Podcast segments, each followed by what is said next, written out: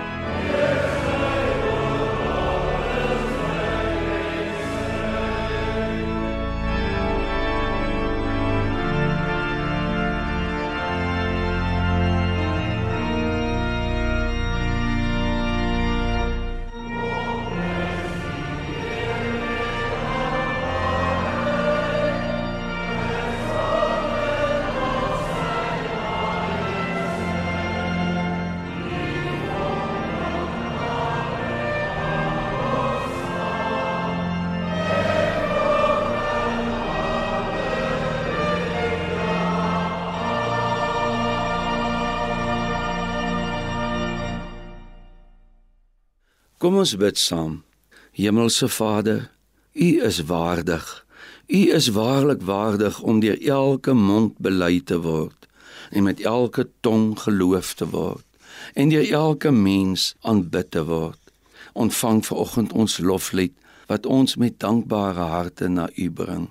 Ons bid vir elke gemeente waar U woord vanoggend oor die lengte en breedte van ons land verkondig word. En ons bid ook vir elkeen wat by die radio ingeskakel is. Maak asseblief vanoggend ons bekommerde en verlangende harte oop vir die werking van u Gees. Here, ons is ook honger om meer van u te leer op hierdie dag en om ook herinner te word aan u liefde en u trou en u wens om 'n pad saam met ons te loop. Immanuel, God by ons verlig ons harte en vernuwe ons lewe sodat ons U vanoggend weer op 'n nuwe manier kan sien en beleef. Ons vra dit alles in die naam van ons Here Jesus Christus. Amen. Gemeente en RSG luisteraars, ek wil graag vanoggend die woord van die Here aan julle bedien uit Handelinge 8 verse 26 tot 40 en my tema is wat staan nog in my pad? Maar kom ons lees eers hierdie klompie verse. Dit gaan oor Filippus en die Ethiopiër. Ek lees dan vanaf vers 26. 'n Engel van die Here het vir Filippus gesê: "Maak jou klaar en gaan teen die middag na die pad wat van Jerusalem af Gaza toe loop. Dit is 'n stil pad." Filippus het toe klaar gemaak en gegaan. 'n Ontmande Ethiopiër wat ons ook 'n eunig noem, wat 'n hoë pos beklee het aan die hof van die Kandake, soos die koningin van Ethiopië genoem is, en wat haar geldsaake beheer het en na Jerusalem toe gekom het om te aanbid. Hy was nou op pad terug en het op sy wa gesit en lees uit die profeet Jesaja. Toe sê die Gees vir Filippus: "Gaan loop saam met daardie wa." Filippus het daarheen gehardloop en gehoor dat die man uit die profeet Jesaja lees. Hy vra toe vir hom: "Verstaan u wat u lees?" Die Ethiopiër antwoord: "Hoe sou ek kon as niemand dit vir my uitlê nie?" Hy het Filippus gevra om op te klim en by hom te kom sit. Die skrifgedeelte wat hy gelees het was dit: Soos 'n skaap is hy gelei om geslag te word, en soos 'n lam wat stil is as hy geskeer word, het hy nie sy mond oopgemaak nie in sy vernedering het daar nie reg aan hom geskied nie. Wie sal van sy nageslag kan vertel? Sy lewe op aarde word beëindig. Die amptenaar vra toe vir Filippus: "Sê vir my asseblief, van wie praat die profeet hier? Van homself of van iemand anders?" Filippus het by hierdie skrifgedeelte begin en die evangelie oor Jesus aan hom verkondig. Onderweg kom hulle toe by water aan en die amptenaar sê: "Hier is water. Wat verhinder my om gedoop te word?" Nou luister, sommige Griekse manuskripte voeg hier nog 'n vers by, naamlik vers 37, as 'n antwoord op die Ethiopiër se vraag: "Wat verhinder dat ek gedoop word?" En hierdie vers lui so: "Niks nie," antwoord Filippus, "as u met u hele hart glo."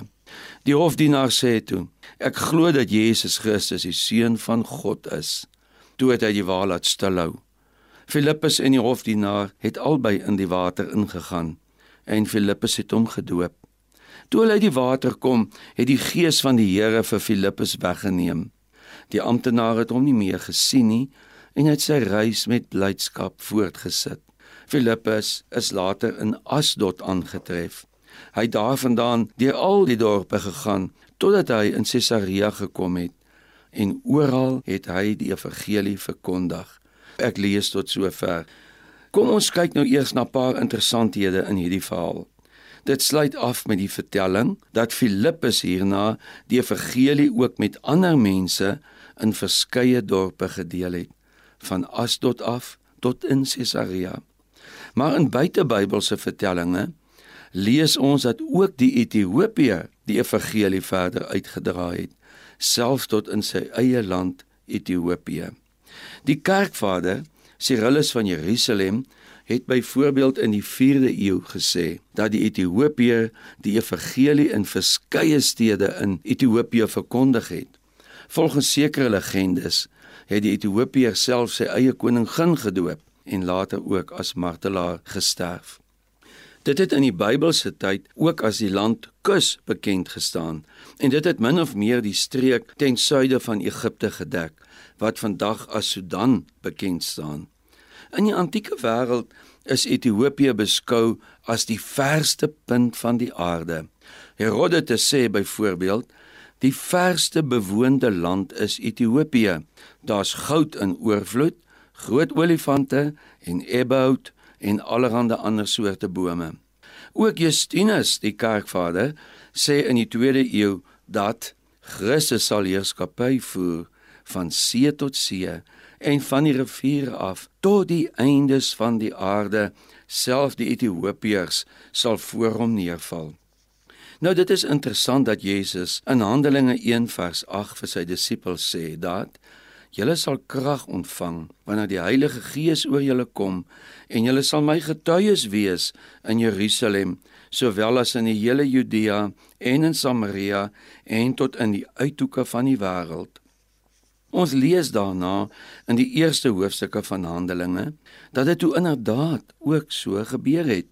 Die evangelie is verkondig in Jerusalem en in hoofstuk 8 vers 1 van Handelinge lees ons dat die gelowiges versprei is oor die gebiede van Judea en Samaria. En met die verhaal van Filippus en Ethiopië is die evangelie inderdaad ook na Ethiopië geneem wat destyds gesien is as verteenwoordiger van hierdie uiteindes van die aarde. Ons weet maar min van hierdie Ethiopië en ons ken ook nie sy naam nie en weet ook nie hoe hy met die Joodse godsdiens in aanraking gekom het nie. Die Bybel vertel egter wel vir ons dat die Ethiopiër 'n enig was. Dit wil sê 'n ontmande persoon. Nou hierdie inligting is eintlik baie belangrik vir die verstaan van die verhaal. Hy was 'n amptenaar in die hof van die koningin van Ethiopië en dit was gebruiklik dat 'n koningin se hofamptenare ontman is. Die Ou Testament het verskeie wette rakende ontmande persone gehad. Deuteronomium 23 vers 1 sê byvoorbeeld dat iemand wie se geslagsorgane verbrysel is of iemand wat ontman is, mag nie in die byeenkoms van die Here kom nie. In Levitikus 21 vers 17 lees ons weer dat geen een met 'n liggaamlike tekortkoming mag ooit 'n offer aan God bring nie. Ons lees dat hierdie Ethiopië na Jerusalem gekom het om daar te gaan aanbid. Hy was nou op pad terug na sy land toe. Ons weet nie presies wat daar in die tempel in Jerusalem gebeur het nie. Maar as die priesters en amptenare hulle werk reg gedoen het, sou hulle nie hierdie Ethiopiër in die tempel toegelaat het nie.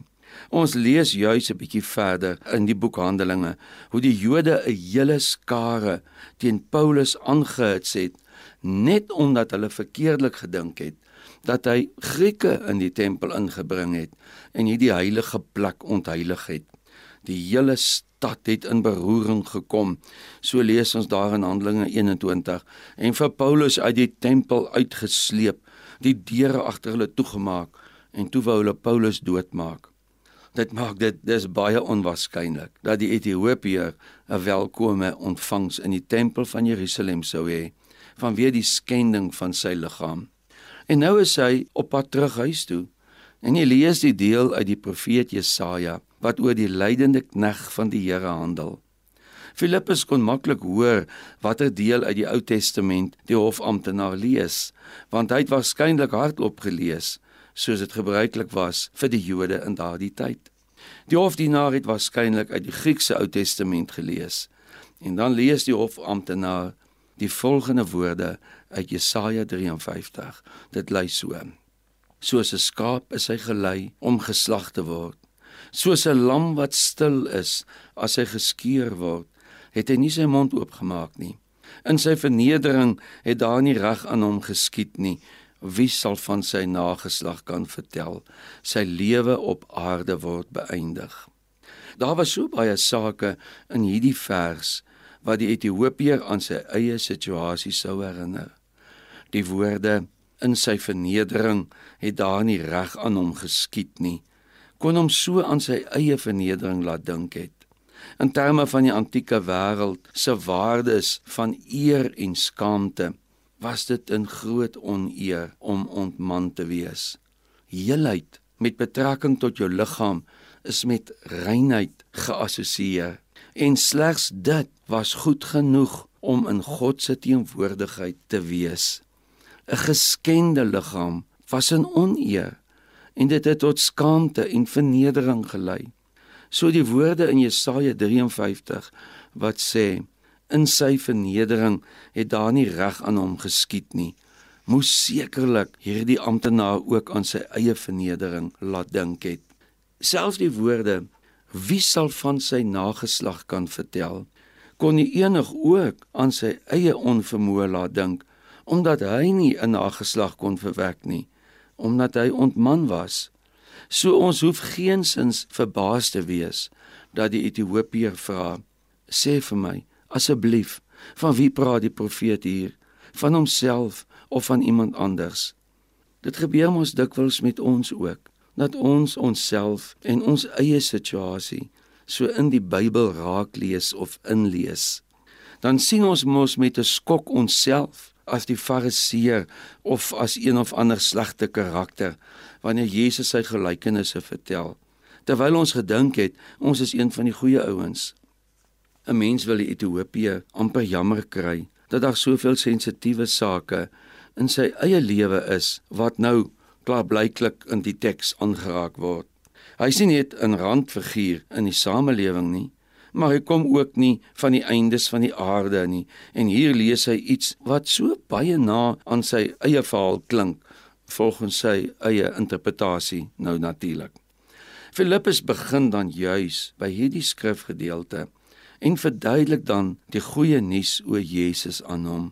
Filippus se boodskap oor die vernedering wat Christus deur geloop het en dat hy onskuldig gelei het, maar sy lyding met gelatenheid gedra het, moes sekerlik 'n besonderse impak op die hofdienaar gehad het.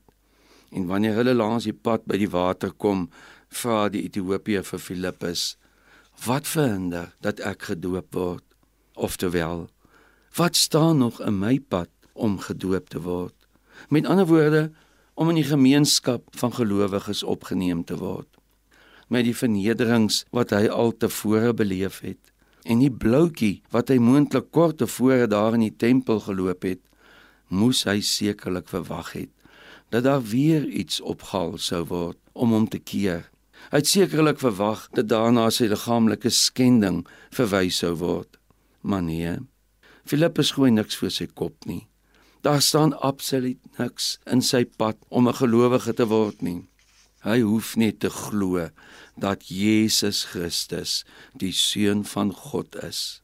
Maar voordat ek verder gaan luisteraars, ons onthou mos dat hierdie woorde van Filippus nie in al die manuskripte van die Bybel staan nie. Dit is wel so, maar dit is wel 'n belydenis wat reeds baie vroeg in die eerste kerk teëgekom word. Daarom hoef ons nie verbaas te wees dat sommige oorskrywers van die manuskripte dit hier ingevoeg het nie. Trouwens, ook die kerkvader Irenaeus haal reeds in die 2de eeu na Christus hierdie woorde aan en sê dat die hofdienaar hierdie belydenis gedoen het. So wat betref Filippus se antwoord, dit is presies wat Christus se koms na die aarde vir ons vermag het.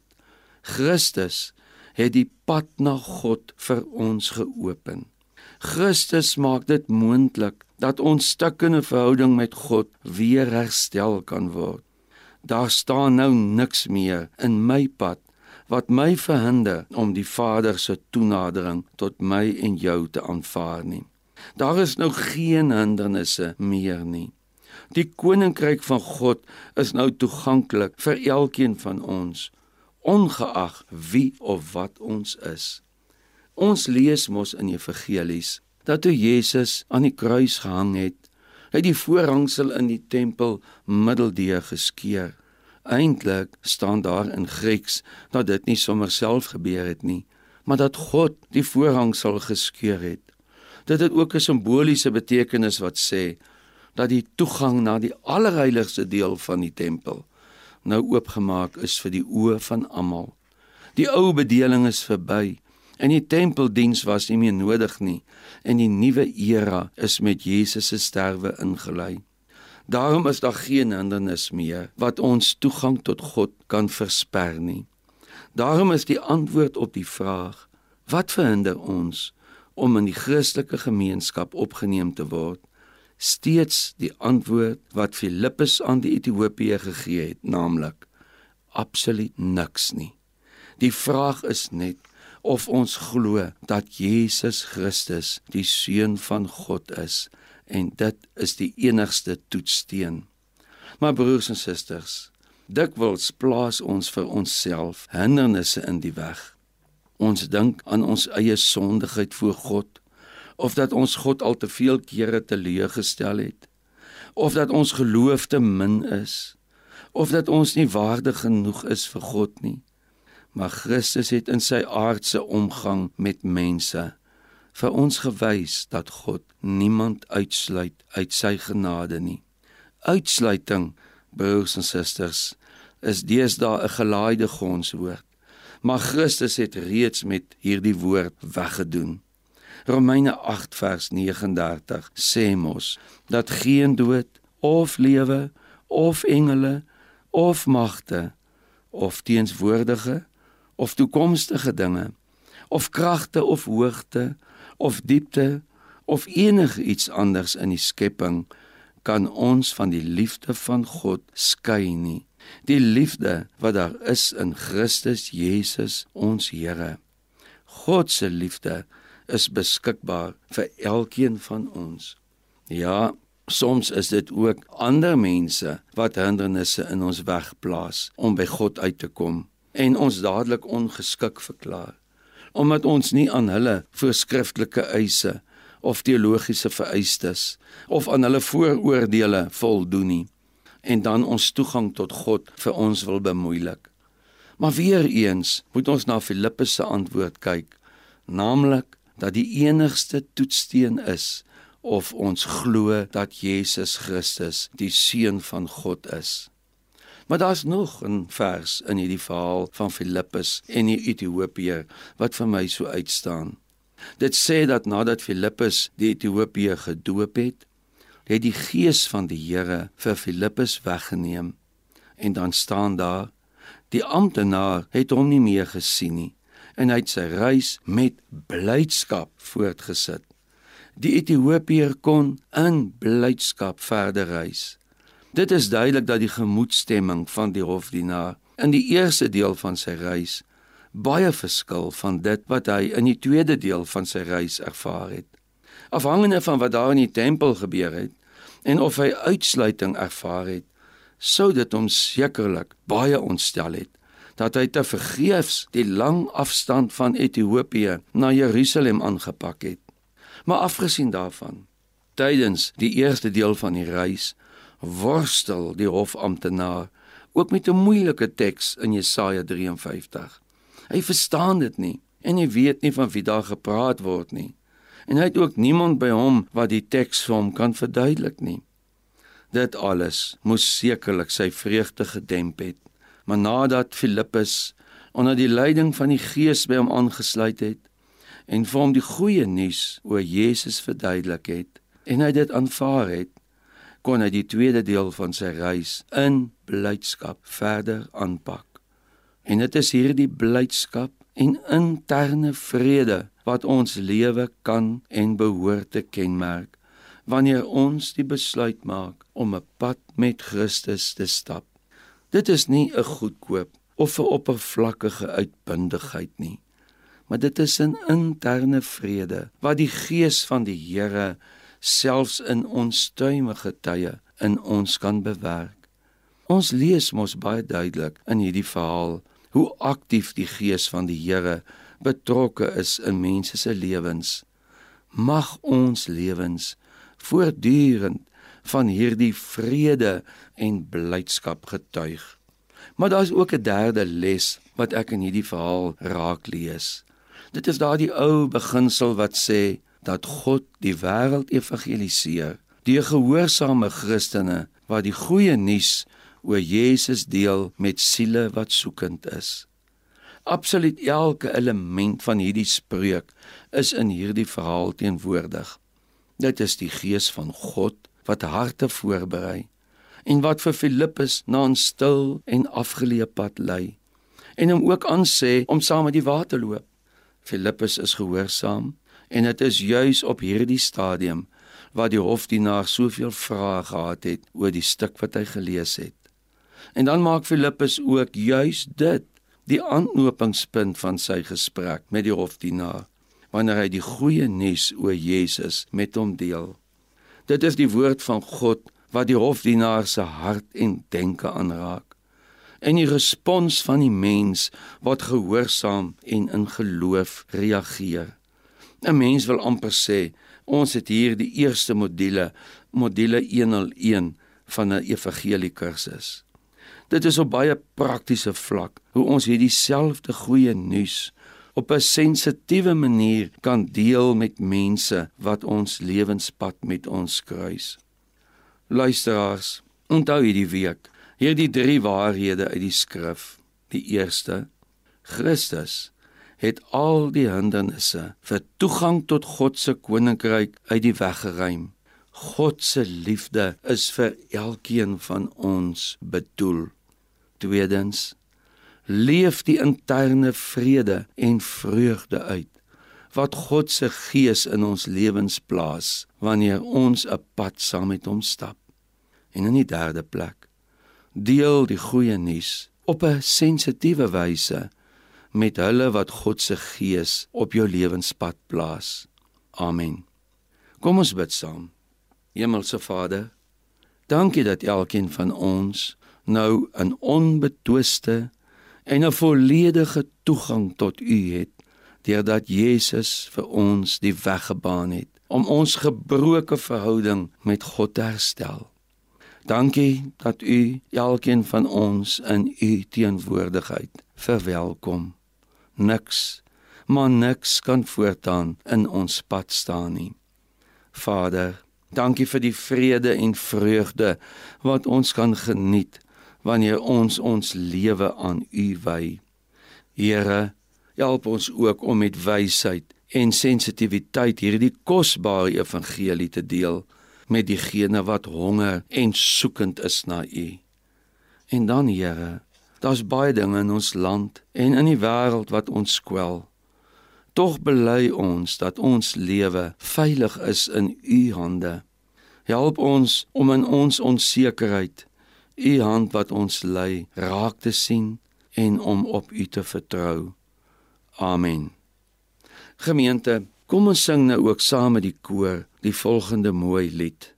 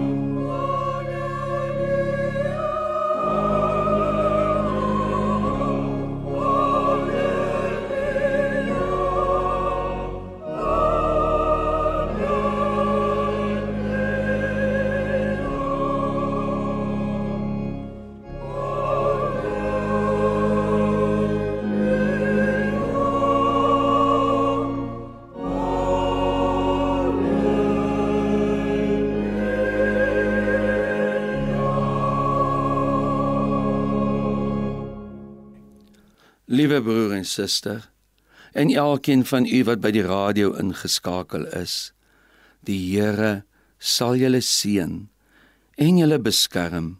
Die Here sal tot julle redding verskyn en julle genadig wees. Die Here sal julle gebede verhoor en aan julle vrede gee. Amen.